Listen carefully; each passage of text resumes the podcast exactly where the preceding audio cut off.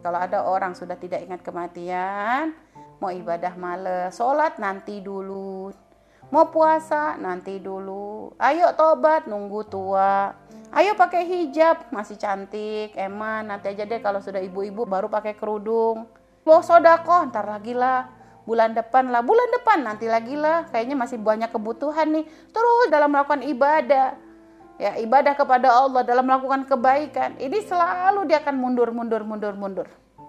Sehingga sampai akhirnya dia mati baru dia ngerasa nyesel ya Allah coba dikasih waktu lagi coba ada kesempatan lagi aku akan sodako. Akan seperti itu manusia itu. Nyeselnya tuh belakangan. Dan ini buah dari apa? Lupa akan kematian. Kalau sudah waktunya seorang dicabut ya dicabut Makanya kalau selagi kita ini masih diberi kesempatan, jangan mundur untuk bertobat kepada Allah.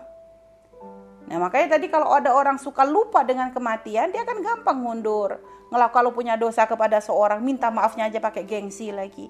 Kepada Allah dia nggak cepat-cepat minta ampun kepada manusia apalagi. Bahkan kadang ada yang bahkan subhanallah mengambil hak manusia nggak sadar-sadar. Punya hutang nggak sadar-sadar. Malah kadang ditagih marah-marah kan ada orang model begitu. Ini model-model orang yang lupa mati dia